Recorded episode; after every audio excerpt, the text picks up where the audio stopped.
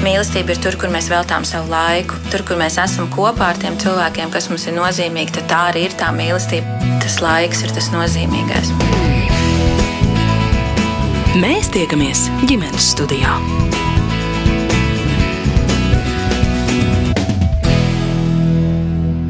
Labdien! Mani sauc Mārcis Notiņš, un šodien dodos uz balviem ciemos pie Zanes un Sanda Meijeriem. Zana ir balvu un gulbenes novadu skolēna deju kolektīvu virsvadītāja un deju kolektīvu balvu vilciņš un knausīšu vadītāja, bet Sans ir būvuzraugs. Darba dzīvi viņiem izdodas salākot ar trīs meitu Elīzes, Renātas un Denīzes audzināšanu, jo ikdienas rūpes ir viņu abu līdzvērtīga atbildība. Meijer ir ģimenes dzīvē pat bijis periods, kad Zane strādāja Rīgā, bet Sandis balvos. Vairākas dienas nedēļā viens pats uzņemdamies rūpes par viņu meitām. Kad ierodos, man sagaida visa ģimene, un Zana iepazīstina ar Sandi un arī ar meitām - 15-gadīgo Elīzu, 10-gadīgo Renātu un 2-gadnieci Denīzi, piebilstot, ka kaut arī viņa kā deju kolektīva vadītāja ir kontaktā ar daudziem bērniem, tomēr meitas ikdienu prasa īpašas rūpes un uzmanību.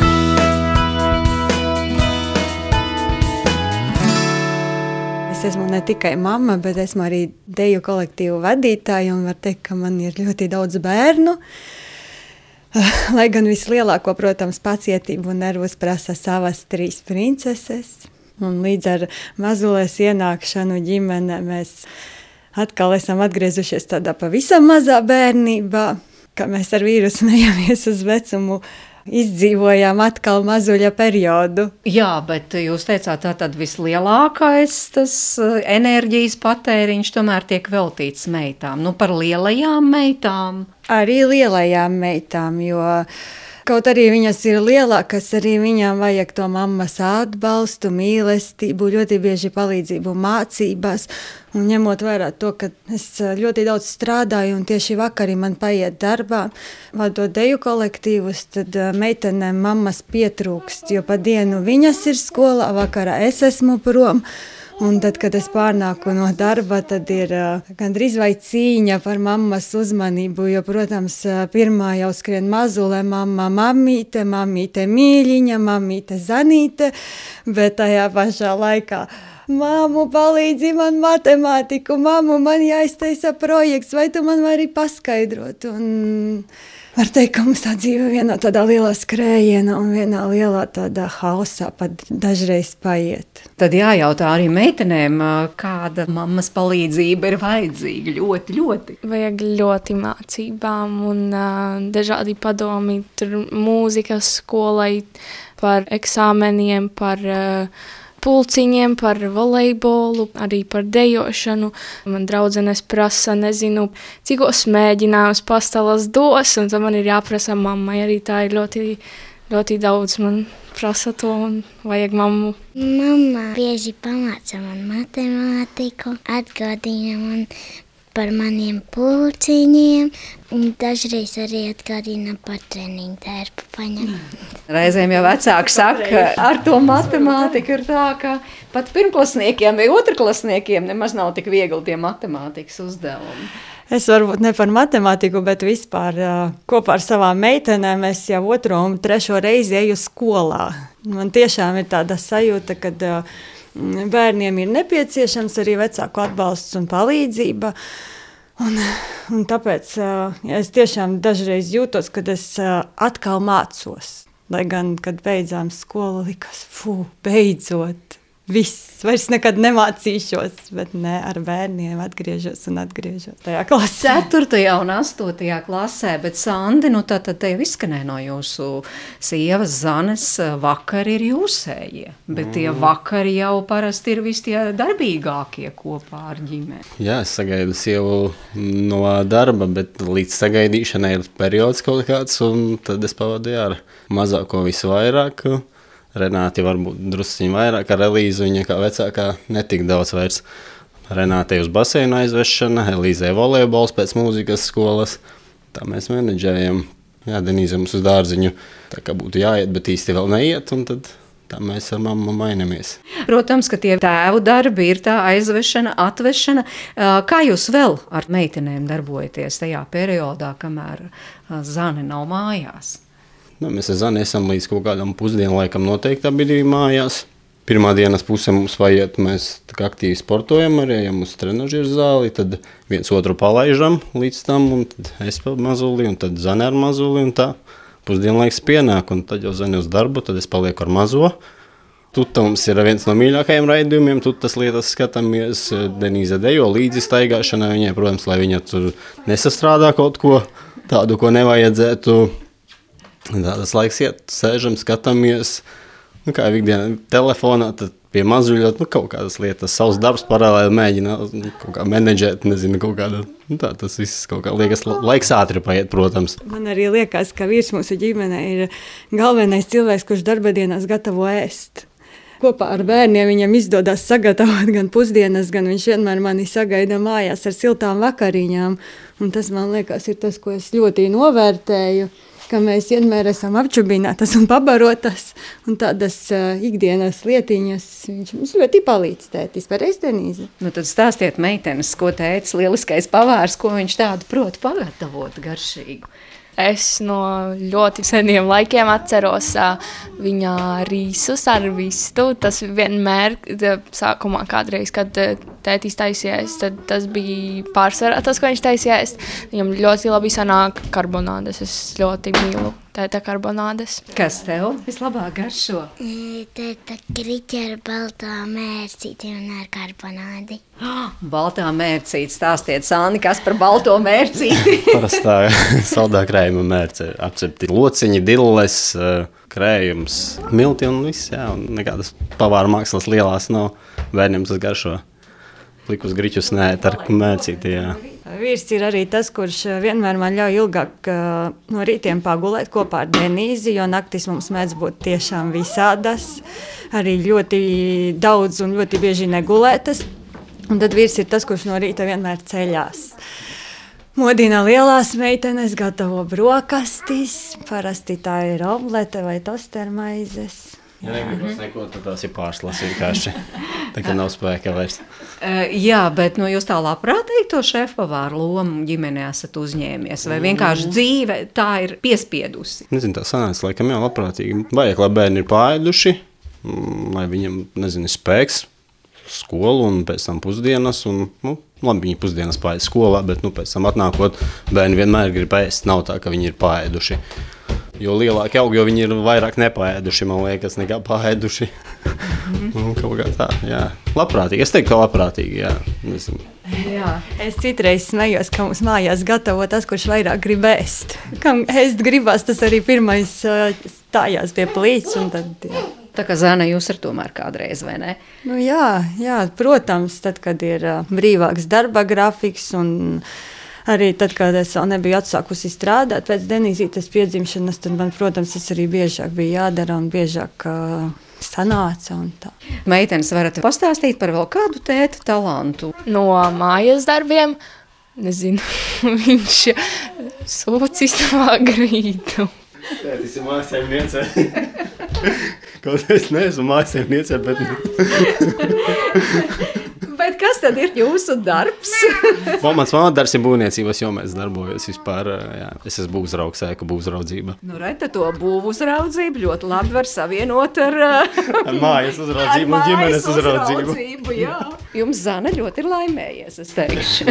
es tiešām to novērtēju, ka mums uh, ir tā, ka arī tētis iesaistās ģimenes dzīvē. Un droši vien, kad uh, tāpēc arī mums ir trīs bērni, kad uh, nu, vienais diez vai tiktu galā, ja man tas būtu viss jādara vienai pašai.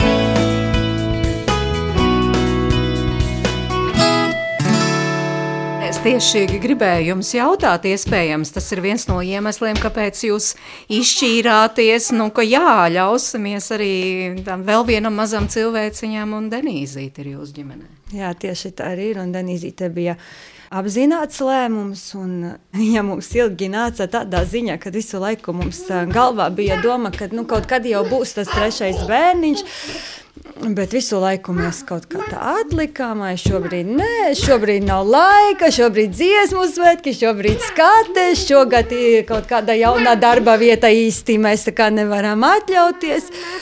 Un tad atnāca pandēmija, izjuka dziesmu un dēju svētki. Un tajā brīdī mēs varbūt mazliet pārvērtējām prioritātes, kad ļoti daudz laika, darba, nervu bija ieguldīts gatavojoties šiem svētkiem. Bet, uh, fināla, jeb rezultāta, jeb noslēguma tam nebija. Un likās, ka mēs no ģimenes esam tik daudz ziedojuši, ka nu, priekš kam tas viss nu, ka ir laiks tad arī nolikt malā visus darbus, un pandēmija arī ļāva to darīt. Un ka ir laiks mums Denīzei, tādai mazai princesei, pareizi Denīzei. Tā kā varētu teikt, pandēmijas bērniņš. Jā, jā pilnīgi pandēmijas bērniņš 21. gadā piedzīvot tieši pandēmijas laikā. Droši vien gatavojāties eh, šim lēmumam ar uh, vecākajām meitām apspriedāt to? Nu, mēs ar meitām noteikti neapspriedām, vai viņas gribētu māsiņu vai brālīti, bet uh, nu, Viņas arī bija priecīgas. Elīze, tad, kad uzzināja, ka būs māsa no laimes, pat apraudājās. Renāte bija praktiskāka, uzreiz bija jautājumi. Kā mēs viņu apģērbsim, mums vajadzēs rātiņu, mums vajadzēs gultiņu, mums vajadzēs to, nu jau tādas praktiskas lietas lai varētu parūpēties par māsiņu. Elīzes arī redzu, tagad mēs te runājamies eh, viesistabā, un tiešām arī mazā Denīze eh, nu, nāk pie jums klēpī, un var redzēt, ka jums ir labs kontakts, un ka jūs droši vien pavadāt daudz laika kopā. Jā, es esmu varbūt, labi, ja ne otrā mamma, tad varbūt trešā mamma Denīzei. Es ļoti bieži, kad es varu, kad uh, man nav skola un cits nekas jādara, tad es palīdzu pieskatīt Denīzi. Kad uh, vecākiem ir kaut kādi ļoti svarīgi darbi, tad arī es esmu tā, kas pieskata māsu. Viņa paņem ļoti daudz spēka, un tad ir histērija pēc tam vakarā. Vienkārši es nevaru, bet viņa mīļa. Un uh, forši ar viņu. Viņa, viņa jau ir tik liela, un viņa forši runā, un ar viņu ir vēl labāk. Nu, tagad Denīze, piemēram, viņai ir fantastiski skaista kleita. Denīze, tev ir tiešām, un Denīze dejo, kamēr mēs runājam. Bet tā tad tās tavas domas nav mainījušās. Kā mamma teica, tas prieks bija tik liels, ka, ka tiešām asaras bija rājis prieka. Nav mainījušās tās domas, jo, jo mazs bērniņš tas ir forši, bet nemaz tik viegli nav ar viņu tik galā. Jā, dom, domas nav mainījušās. Es mammai vienmēr saku, viņa parasti ir tā, ka mazi bērni bērni viņi ir mīlīgi, tikko piedzimuši, un tad citreiz apnīk. Bet ar Denīzi nekad nav viņa kaut ko jaunu vienmēr izdomā, un tad viņa paliek vēl mīļāka un foršāka. Ko jūs darat kopā ar māsu? Nu, mēs spēlējamies, mēs arī skatāmies tutu, lasām grāmatu. Citreiz mēs ejam gulēt, es viņu citreiz lieku gulēt uz vakaru vai uz pusdienlaiku. Un, jā, viņā manas pērles šķiro un rotas lietas. Kosmētiku. Jā. À, kosmētiku, jā. un kosmētiku. Denizai ļoti patīk visi Elīzas, Elīzas skaistuma stūrītis. Nu, bet ir atšķirība, ja jūs tagad tā salīdzināt, nu kā jūs, piemēram, Elīzu sagaidījāt un tad audzinājāt pirms tiem 15 gadiem un kā tagad Denīzi. Atšķirība, protams, ir pirmkārt bērns ir savādāks. Mūsdienu bērni ir uh, Man liekas, viņi jau piedzimst gudri un piedzimst ar savām prasībām. Tas, kas mums ir mainījies, ir mūsu pašu uztvere. Mēs esam vecāki, mums jau ir pieredze. Līdz ar to dažādas blēņas vai izgājienus mēs spējam uztvert jau līdzsvarotāk, varbūt vairs arī nestresot un nesaspringt par tādām lietām, par ko mēs satraucāmies ar pirmo bērnu. Tagad kaut kā tā dzīves pieredze ir tāda, nu, ka tā tas notiek, bet grūtāk mums ir no tā viedokļa, kad negulētās naktis. Tomēr mums pašiem gadi iet, darbu paliek vairāk, rūpes par trīs bērniem nav tas pats kā rūpes tikai par vienu bērnu. Līdz ar to varbūt no tādas fiziskās un uh, emocionālās noturības viedokļa dažreiz varbūt kaut kur ir grūtāk nekā jaunībā. Es teiktu, tā, ka mums uh, starp uh, otro un trešo bērnu ir astoņu gadu starpība. Tad, uh, bija tāds izveidojies periods, bija viegli. Tā likās, ka sev laiks ir atradās vairāk sev laika, mēs tur sportojam, tur var to izdarīt, tur aizbraukt, nav problēmu. Renāte liela jau tā kā pati tiek galā, nav jāpieskatā tā. Bet, jā, mazulis, un tagad tas periods tāds pagājis un nogurdina, diezgan nogurdina. Es teikšu, tā diena ir tāda, ka tu esi izsmelts brīžiem ļoti liekas. Nu, bet jūs atceraties, ir atšķirība, kā jūs vecākās meitas audzinājāt, kā tagad šito mazulīti? Mm, cik es tā atceros, nu, jā, viedierīces viņas jau ir kādu lielu laiku, ko bērni darbojas. Es varu salīdzināt, ka, piemēram, Renāte un Denīze šajā vecumā viņas identiski darbojas ar to. Elīzēm nebija tik izteikti. Atceros, Elīza ar Renāti, jā, viņas kaut kā vairāk spēlējās, jo viņam mazākā tā gadu starpība ir atšķirīgas intereses. Viņam kaut kādas nav, nav tā, ka gribās ar lēlēm abām vai visām trijām. Nu, noteikti, ka visām trijām negribās ar lēlēm. Denīze gribās, Renātei varbūt mazliet, Elīzei vispār negribās. Nu, viņa jau pusaudzis ir. Mm -hmm. Renāte, kā tu ar mazo Denīzi, ko jūs kopā darāt labprāt? Mēs lasām grāmatas, kiku miku parasti. Mēs taisām no segām māju. Diezgan reti taisām kaut ko arī viņa spēļu virtuvītē. Dažreiz spēlējamies ar, ar lēlēm. Bet tev tas ir interesanti? Kā kuru reizi? Bet nu, vismaz kādreiz ir interesanti. Jā, jā. jā. bet vispār Renāte ir tā māsa, kura jautrojās ar Denīzi. Viņas var skriet abas pa māju, spēlēt paslēpes. Un vienmēr, kad Renāte ņem šefību pār Denīzi vakarā, ir skaidrs, ka Denīzi nevarēs nolikt gulēt, jo tās nebūs nekādas mierīgas nodarbošanās, bet Denīze būs tā satrakojusies, izlēkusies, izpriecājusies, ka viņai grūti būs pēc tam nomierināties, lai aizietu gulēt. Tā kā nav tā, ka Renāte nemaz negribētu vai nemaz neiesaistītos. Jūs te pieminējāt par viedierīcēm, un es skatos, jā, kamēr mēs runājam, mazā Denīze ir laimīgi tikusi pie vecākās māsas līdz telefona un, un, un, un spaida kaut ko tur un meklē, un iespējams arī atrod to, kas viņai interesē. Bet nu, jūs priekš sevis, kā priekš vecākiem, jums ir nu, tas, kā mēs darīsim, cik mēs atļausim, vai mums būs kaut kāds noteikts laiks, vai ko mēs ar šo darīsim. Mēs kā vecāki uzskatām, ka viedierīce dažreiz ir glābiņš, tad, kad pašiem vajag brīvu laiku un vajag nodarbināt bērnu, bet tajā pašā laikā mēs cenšamies ierobežot ekrānā laiku.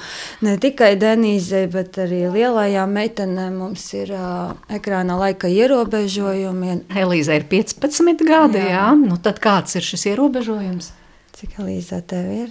Viena stunda. Jā, saprotu, ne, ir aplikācijas un lietas, kuras ir, protams, neierobežoti, kur var sazināties ar vecākiem draugiem un tā, bet jā, kaut kādas spēles vai izklaides platformas tur ir katrai tai aplikācijai, kurai 15 minūtes, kurai pusstunda. Un es gribētu mazāk, ja Līza gribētu vairāk, un tad mums ir kaut kāds kompromiss. Jo tomēr uh, Mēs arī kā vecāki saprotam, ka mēs nevaram to pavisam izslēgt no dzīves. Mēs nevaram aizliegt, jo tā ir viņu pasaule. Visi vienaudži jau tās ierīces lietu, un uh, tajās ierīces jau nav jau tikai slikts. Tur ir arī daudz visa kā laba. Un, uh, Ja mūsu bērnībā tā izklaide bija Playstation vai televizors ar kaut kādām filmām vai multfilmām, jaunieši šobrīd šo izklaidi un atpūtu, kura arī viņiem ir nepieciešama, atrod telefonos, planšetēs, datoros. Gribu jautāt Elīzai, tev jau 15 gadi, kā tev šķiet tas ierobežojums, ko tev vecāki ir uzlikuši, tas ir pamatots? Nu, pamatots it kā jā, bet uh, nepatīk man. Nu, es jau arī, ja man nezinu, tur citreiz ir iespēja paprasīt mammai laiku, citreiz atļauju iedot uh, tur, nezinu, tiktokam visu dienu. Es nevaru apstāties, un tad es skatos tiktokos, un man kaut ko saka, es neko nedzirdu, un tad, jā, protams, tad tas ir labi un tas ir pamatoti. Es saprotu arī mammu. Vairāk tas ir varbūt attiecībā uz mācībām. Tad, ja meitenes jau ir visu izdarījušas, izmācījušās, mājas darbus izpildījušas, un istaba ir daudz maz kārtībā, tad jau, protams, arī viņām ir tas brīvais laiks, ko sēdēt pie ierīcēm. Bet ļoti bieži jau ir tieši pretēji, kad gribās jau tikai pie ierīcēm, un tad mājas darbs nav izpildīts, tas ir aizmirsies, kaut kas ir palicis skolā kaut kas vispār nav, nav zināms, kas ir jādara. Bet, nu, ir garās dienas, piemēram, Elīzē ļoti garas dienas, mācību. Viņa pirms atnāk no skolas, viņa ir ne, mūzikas skola, dejošana, viņa grib uz volejbolu vēl, un viņa desmitos mājās. Mm. Bērns ir piekusis, jāsaka, tā arī ir piekusis. Viņa pāēd, nu, mācībām laiks paliek kaut kāds līdz pusnakti izmācies un negulēt, bet nu, tās jā, dienas ir tādas trakas. Es jau gribēju teikt, jo tas, ko es dzirdēju par Elīzi, tur jau tā kā baigi daudz tā brīvā laika nevarētu būt. Priekš ierīcēm laiks vienmēr atrodas. Atliks malā mācības un visu pārējo, lai tiktu tā kā pasēdēt. Bet, jā, es nezinu, viņas pašas var pastāstīt, ar ko viņas nodarbojas. Bet patiesībā, jā, mēs esam tāda ģimene, kas paši cenšamies būt aktīvi, iesaistīties un darīt, un audzinām arī savas meitenes, piedāvājot viņām gan pulciņus, gan aktivitātes un nodarbinot viņas tik ļoti, lai viņām nemaz nebūtu daudz brīvā laika nodarboties ar muļķībām. Renāte, kas tad ir tās tavas ārpus skolas aktivitātes? Nu, pēc skolas man ir peldēšana. Pēc peldēšanas es uzreiz eju uz dejām, un pēc dejām varbūt es dažreiz palieku ilgāk pie mammas, vai eju uzreiz mājās mācīties. Tad es spēlēju ar tenīzi un kā viss. Jā, nu dažreiz uz piekdienās iet uz svētdienas skolu. Jā. Tas viņai tāda vakara aktivitāte nedēļas nogales. Bet eh, jums arī tāda privilēģija šim raidījumam izvēlēties dziesmas. Droši vien esat jau padomājuši, kuras būs jūsējās, kurš izvēlas. Mēs ar vīru par to vienojāmies. Tā būs prātā vētras dziesma meklēt vienam otru. Tā mums ā, pirmkārt saistās ar patīkamām emocijām prātā vētras koncertos, cik mēs esam apmeklējuši. Bet ā, svarīgākais laikam ir tas ā, dziesmas vēstījums, kad ā, lai vienmēr rītos saule un lai nekad nav kari. Ir lietas, ko gribas satvert, un lietas, ko palaist vējā. Un tā mēs arī dzīvojam, gribot, lai tiešām būtu miers. Un, Un aizmirstot varbūt to, kas ikdienā nav izdevies, vai nav bijis forši, vai nav bijis raiti, un paturēt uh, savās tajās emocijās, un sirdī un atmiņās tās foršās lietas, kas mums ir ģimenē. Un, un es atceros, ka mēs braucām bieži mašīnā, mēs to disku klausījāmies, jā, pēdējā dziesmā, un tad mēs dziedājām līdzi. un Tā ir viena no dziesmām, kas mums abiem patīk. Manis nav, vēl nav mans nams.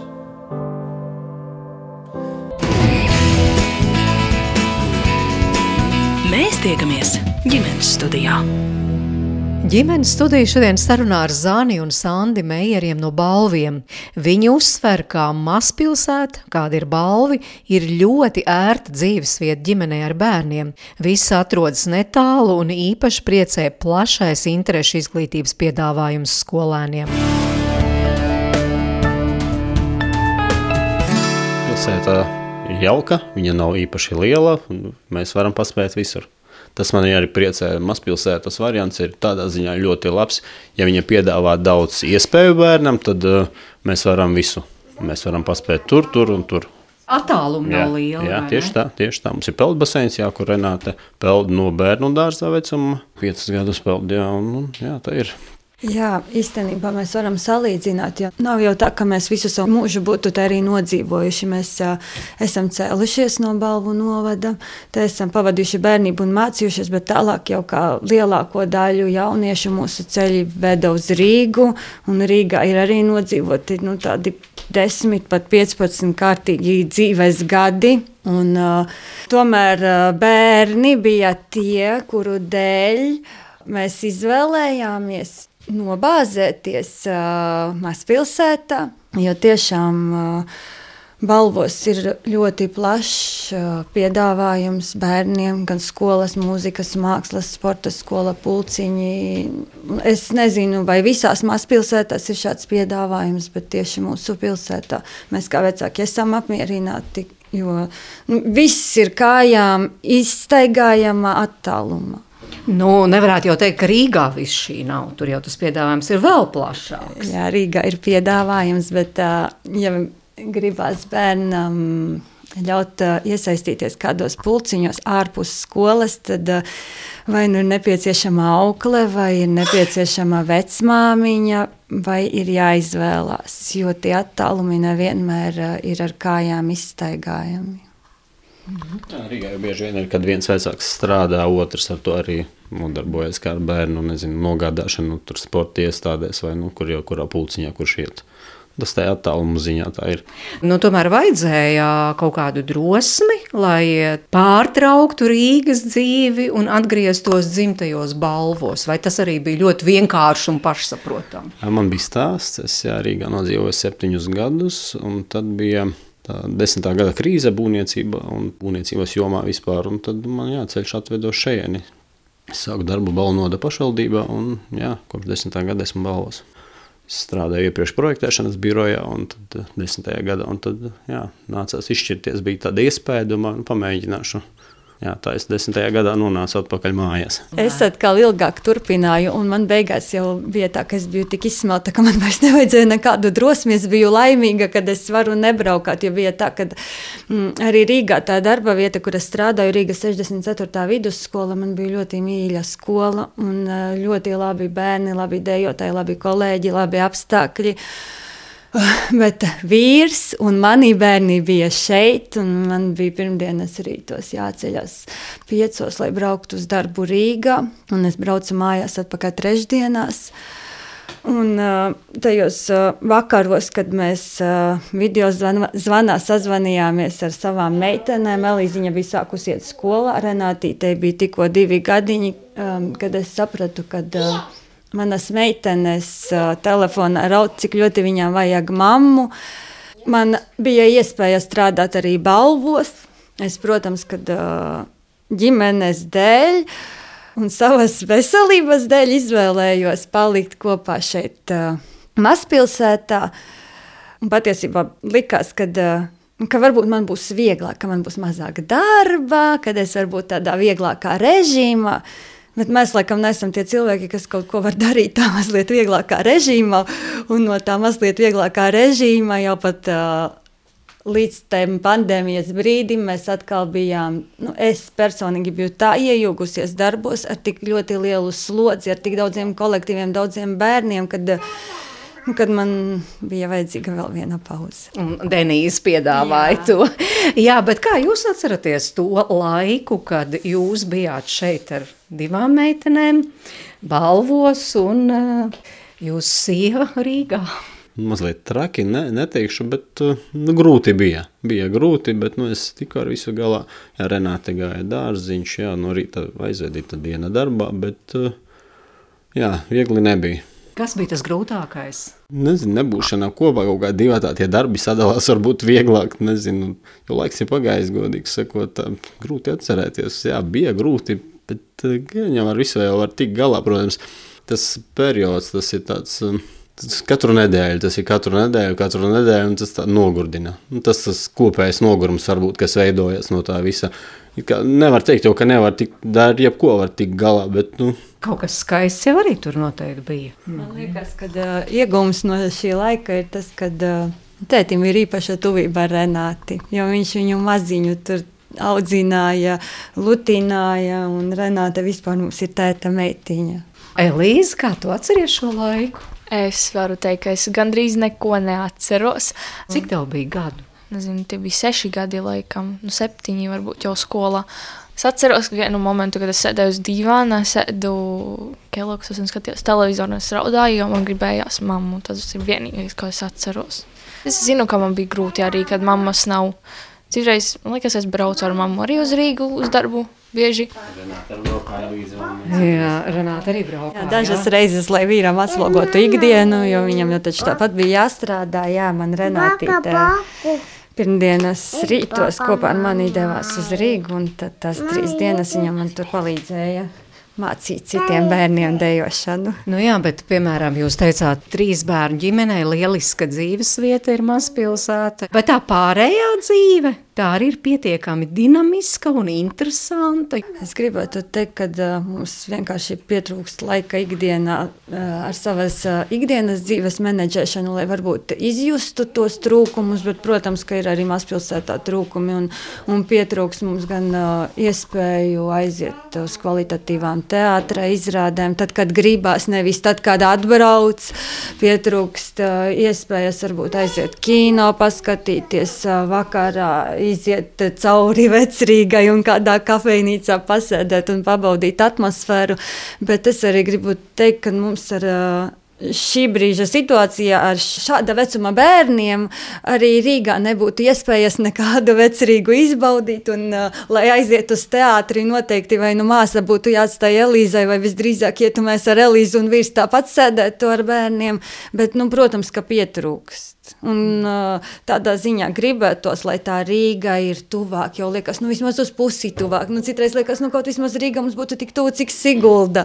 Un, protams, ka pietrūkst tās iespējas, tādas vairāk atpūtas, izklaides, arī iepirkšanās iespējas, kas ir Rīgā. Elīze, tev jau 15, tu jau arī domā par savu nākotni. Jā, nu es esmu tagad drusku nesaprašanā pati.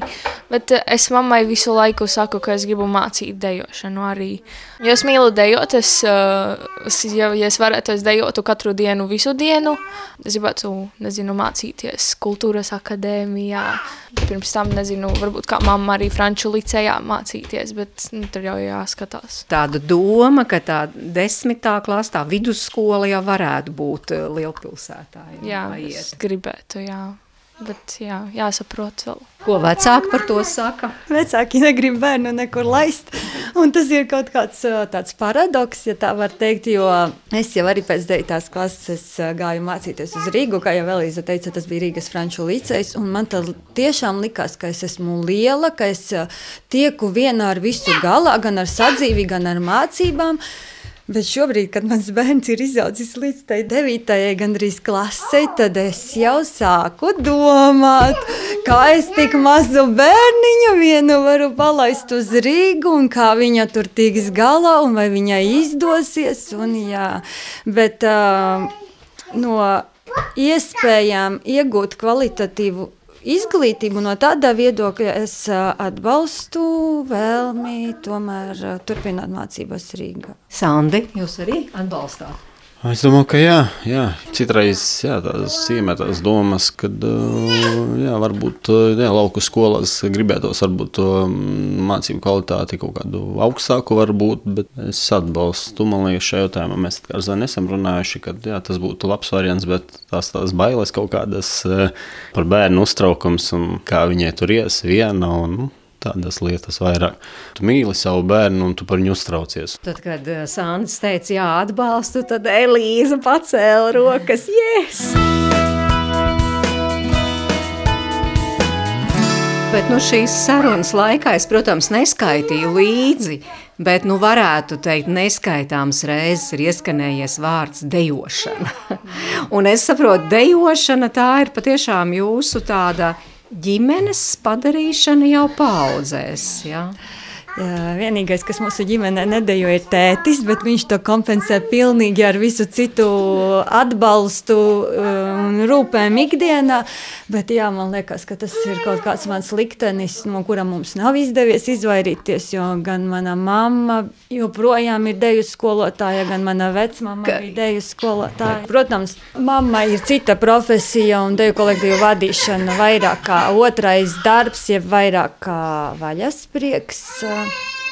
Vecumam arī bija sākuma skolas skolotāja, un, protams, skolā, tad, ja tas padodas, tad arī kāds tiek atrasts, kuram uzticēt deju kolektīvu vadīšanu. Un, nu, ja tā godīgi, es jau uz to Rīgu arī gāju ne jau tāpēc, lai kļūtu par deju skolotāju. Nu, arī vecāki gribēja dot man iespējas dzīvei. Bet tas arī ir liktenis, jo tik brīnišķīga deju skolotāja, kāda ir Rīgas Franču licējā, bija Rīgas Franču licēja Iveta Petersona Lazdāne, kas tagad ir deju ansamblim Dairede vadītāja, kas bija mana deju skolotāja Rīgā ka patiesībā viņas iedvesmota, nu, man, man nebija citu variantu. Un, protams, kad mana izglītība tā pamata izglītība ir pavisam cita. Es mācījos turismu un viesnīcu vadību Latvijas universitātē. Bet uh, mana dzīve tik un tā sagriezās, un es kļuvu par deju skolotāju. Un tas ir bijis ļoti jocīgi, jo cik es esmu meklējusi darbus kaut kādā citā sfērā, es viņus nekad neesmu dabūjusi. Bet savukārt dejošanā es nekad neesmu meklējusi darbu, bet darbs ir atradis mani pats. Un, un Rīgā es turpināju arī dejošanu tautas deju ansamblī Rotaļa. Nu, Rotaļa ir turpat, kur zelta sietiņš vienā skaistā mājā vai kultūras pilī. Un tad jau baiba Steina un uh, mazliet pieredze arī zelta sietiņa. Un, un tad manis minēta Rīga 64. vidusskola, kur arī direktore ļoti mīlēja dejošanu. Un tā tas vijās mums joprojām. Jā. Un izskatās, ka Elīze arī no tā nespējas izbēgt vienkārši. Dažreiz ikdienā liekas, ka nu, ir grūti. Liekas, ka jau ir izdegšana klāt. Bet tad es padomāju, ko es varētu citu darīt. Un, lai sāktu citu darīt, vajag lielu uzdrīkstēšanos un saņemšanos. Un tad, laikam, man nav tik slikti manā darbā, lai man būtu vajadzējis saņemties kaut kam citam. Bet domas, protams, par to ir bijušas, bet uh, tas vairāk saistīts ar to, ka nu, vienā mirklī ir par daudz. Katram darbam savu garoziņu, un tā garoziņa ir tāda, ka tas tiešām arī reāli ietekmē ģimenes dzīvi. Kā jūs pašā sākumā stāstījāt, tad vakaros mamma nav mājās. Jā, tā ir. Tā, jā, tas... Varbūt šī iemesla dēļ jūs arī kādreiz esat runājuši, ka varbūt vajag kaut ko pamainīt mainīt. Nā, tas ir tā bijis kaut kādā emociju līmenī. Varbūt. Citreiz tā sajūta ir gribās parastu ikdienas tādu vakaru, kad viss ir mājās, pūksteni piecos, nevienam nekas nav jādara, nekur nav jāskan, mēs esam izmācījušies un visi esam kopā. Bet nu, mums, mums tā nav, mums eh, nedēļas, tā otrdiena, trešdiena, ceturtdiena, mamma mums ir mājās pūksteni astoņos. Nu, kaut kā tā. Vai vēl vēlāk, jā, kā tā izskanēja. Bet eh, jo jūs jau teicāt, piemēram, Denīze ir cits bērns, un iespējams, ka viss plūst mainās, arī bērnu, kur grib dejot, kļūst mazāk. Starp citu, tieši par pandēmijas laiku un par koriem īpaši teica, ka tas bija laiks, kad stipri samazinājās, piemēram, dziedātāju skaits. Es esmu arī skolēnu deju kolektīvu virsvadītāja gan Balvu novada, gan Gulbenes novada. Un, protams, ka es kā virsvadītāja jūtu, kad uh, kolektīvu skaits laukos ar katru gadu samazinās. Un salīdzinot ar nu, iepriekšējiem desmit gadiem, ir diezgan krasi samazinājies deju kolektīvu skaits. Bet, uh, Es gribētu domāt, ka tas ir nevis tāpēc, ka tā bērni nu, nepavisam negrib dejot, bet uh, mūsu Latvijas demografiskā situācija un lauku demografiskā situācija ir tāda, kāda viņa ir. Un laukos tiek slēgtas skolas, bet uh, visi kolektīvi, kuri mums šajos novados ir un turpina darboties, nu, vairāk vai mazāk ir ar pilniem sastāviem. Uh, Kādi ir iemesli? Es nevaru pateikt. Katram noteikti savs. Kādam patīk dejot, kādam patīk kolektīvs, kādam patīk skolotājs, kādam dejo draugi, kāds ir pierunāts, kādu ir piespiedis vecāks vai mamma vai tētis. Nu, tāda ir realitāte. Elīze, tu noteikti labāk zini to noskaņojumu tieši jauniešu vidū. Kāds tas ir? Vairāk ir puišiem, viņi nenāk dejot manā vecumā. Runā ar viņiem, kā gribi, saki viņiem, ko gribi. Ko viņi saka, kāpēc nē? Kurš dejo? Mūsdienās puiši dejo, puišiem ir jādejo, fuj, kas, nu, kas notiek. Dejotāji puiši man nesen teica, ka nevarēs tur pamainīt riepu mašīnai, bet puiši taču ir puiši tāpat, un ir forši, kad puiši dejo. Tas ir ļoti vajadzīgs. Jā. Vajadzīgs, jā. Bet tas, kā dziesmu un dēļu svētki ir priekšā, tas ir kaut kāds stimuls. Es nemaz nezinu, kā tas ir, kad ir dziesmu svētki, bet uh, aiziet pie vecajiem dejotājiem. Varbūt arī par dziesmu svētkiem ieminoties, viņi sāk domāt, ka varbūt tiešām varētu nākt dejot atkal. Tādā veidā. Bet, starp citu, Zana, jūs maģistra darbu esat izstrādājusi ja, tieši par dejošanu, un, un kā tas labvēlīgi ietekmē bērnu emocionālo pasauli. Labojiet man, ja tur kaut kas nav pareizi. Jā, kā jau es jums minēju, tad tā mana izglītība bija saistīta ar turismu. Bet, protams, ka, nu, lai strādātu ar bērniem, ir nepieciešama arī pedagoģiskā izglītība. Un, laika gaitā es esmu pabeigusi arī maģistra studijas skolas pedagoģija, un maģistra darbs man bija saistīts par emocionālo kompetenci deju kolektīvos tieši pusauģu vecumā. Jā, es veicu pētījumu savos kolektīvos par to, kādā veidā un vai vispār deju kolektīvā ir iespējams veicināt, attīstīt emocionālo kompetenci. Un tas bija arī saistībā ar kompetenci pieeju izglītībā, kas mums tagad tiek ieviesta.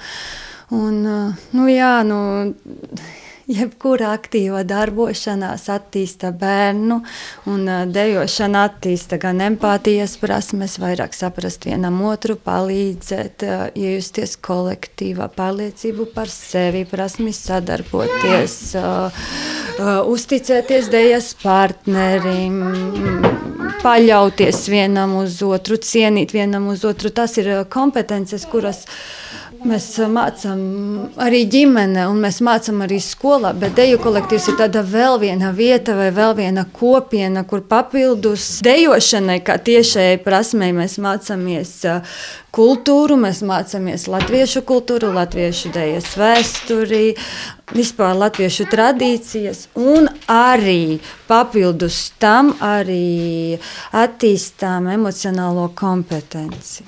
Nu, arī par kultūru tas arī ir būtisks aspekts. Tieši Ziemeļlatgales šeit kultūra arī pievērst uzmanību tautas stērpiem, lai tie tiešām atbilstu šim reģionam, kas arī noteikti ir svarīgi. Jā, mēs īstenībā ļoti pievēršam uzmanību, lai dejotājs ne tikai skaisti dejo, bet arī labi izskatās. Un arī uz iepriekšējiem skolēnu svētkiem, ne, bet uz lielajiem dziesmu svētkiem. Mums bija projekts eh, par Ziemeļlatgales eh, tautas tērpu. Meitenes pašas mācījās uh, ieust svītras savos bruņšos, tur izšūt kādu rakstiņu uz kreklā, devāmies uz muzeju, lai vispār saprastu, kāds mums ir tautas tērps. Un nu, es gribētu ticēt, ka viņiem tas paliek atmiņā. Un e, varbūt ne pusauģu vecumā, bet kaut kad dzīvē viņi novērtēs, ka viņiem ir šīs zināšanas un ka viņiem ir tas latviskais pamats, kas ir ielikts viņos, lai, e, nu, lai varētu lepoties ar savu vietu un ar piederību savai vietai. Jums ir tautas tērpi, ja? jums pašām? Jā. Meitenēm un puisim arī ir, vai kā ir jūsu ģimenē? puisim vēl pagaidām nav, un meitenēm ir tā, ka meitenēm ir uh, tautas tērpi no deju kolektīva, jo, protams, meitenes aug, un līdz ar to viņām varbūt vienu kaut kādu savu individuālo pagaidām uh, mēs nesam. Nedarinājuši, nepasūtījuši, bet man ir jābrenes novada tautas tērps Ziemeļlatgalā. Kāds tas ir? Tas ir tas baltais, skaistais. Es varu parādīt, kāpēc stāv. Kad jūs velkat tikai tad, kad ir tie oficiālie svētki, dejošanas, vai tomēr arī kādreiz ārpus tā? Pārsvarā tomēr laikam uz deju koncertiem, tad, kad man ir jādejo ar mazuļiem kopā uz vienas skatuves un jāpalīdz, tad es kāpju uz skatuves tautas starpā. Jā, reku atnes arī, jā, jā skaistais balts tais ar sarkanu apmali un tur tāda tā kā mežģīne. Nu, jā, šis ir ļoti skaists. Bet nu, ir kaut kādas tās jūsu ģimenes vērtības, kuras jūs teiktu, jā, šis mūsu ģimenei ir svarīgi, pie tā mēs turāmies kā mējeru ģimene. Ne tikai ģimenē, bet vispār dzīvē mums uh, ir svarīgi, lai mēs varam viens otram uzticēties un paļauties viens uz otru. Uh, Un daudzās situācijās saglabāt cilvēcību un to pašu empātiju, vai uh, spēju iejusties uh, otrādā un just līdzi citiem. Jā. Kā tu teiktu, Elīze? Jā, es piekrītu mammai noteikti uzticībā. Ir uh, svarīgi, lai to var uzticēties. Kaut arī mammai tur pastāstīt par skolas dzīvi vai māsai vai tētim. Uh, man ir ļoti svarīgi stāstīt, un es domāju, ka visiem arī pārējiem tā ir. No Sandi, kāds ir jūsu viedoklis? Mēs katrs esam personība, un mums uh, bieži vien nu, liekas, uh, notiek šā vai notiek tā, bet uh, mums ir jācenšas uh, noturēt to un ieklausīties vienam otrā un, un, un rast kaut kādus vidusceļus daudzās lietās un nu, saglabāt tādu balansu.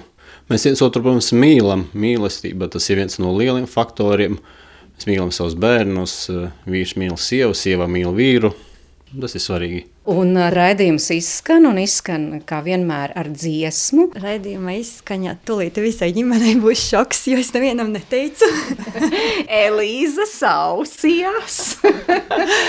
Kas tas Bet, uh, būs? Īstenībā tas pavisam nebūs nekas oriģināls. Tas būs Raimons Pauls, Jānis Peters manai dzimtenei.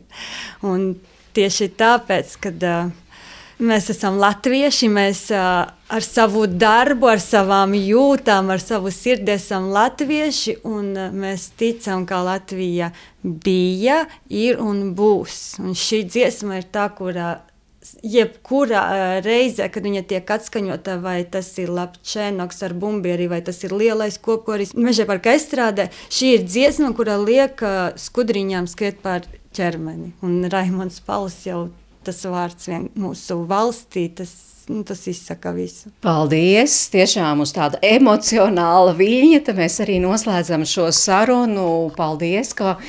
Zane un Sandi uzņēmāt eh, ģimenes studiju savās mājās, un man liels prieks, ka arī meitenes piedalījās, gan Elīze, gan Renāte, gan mazā Denīze. Paldies jums, ka klausījāties, saka ģimenes studijas komanda, producenta Ilze Zvaigzne, Nora Mitspapa, kas ir mūsu labskaņas meistara, Girds Bišs, kurš sameklē dziesmas, un arī Esmairita Znotiņais bija pie mikrofona. Tiekamies atkal citā ģimenes studijā.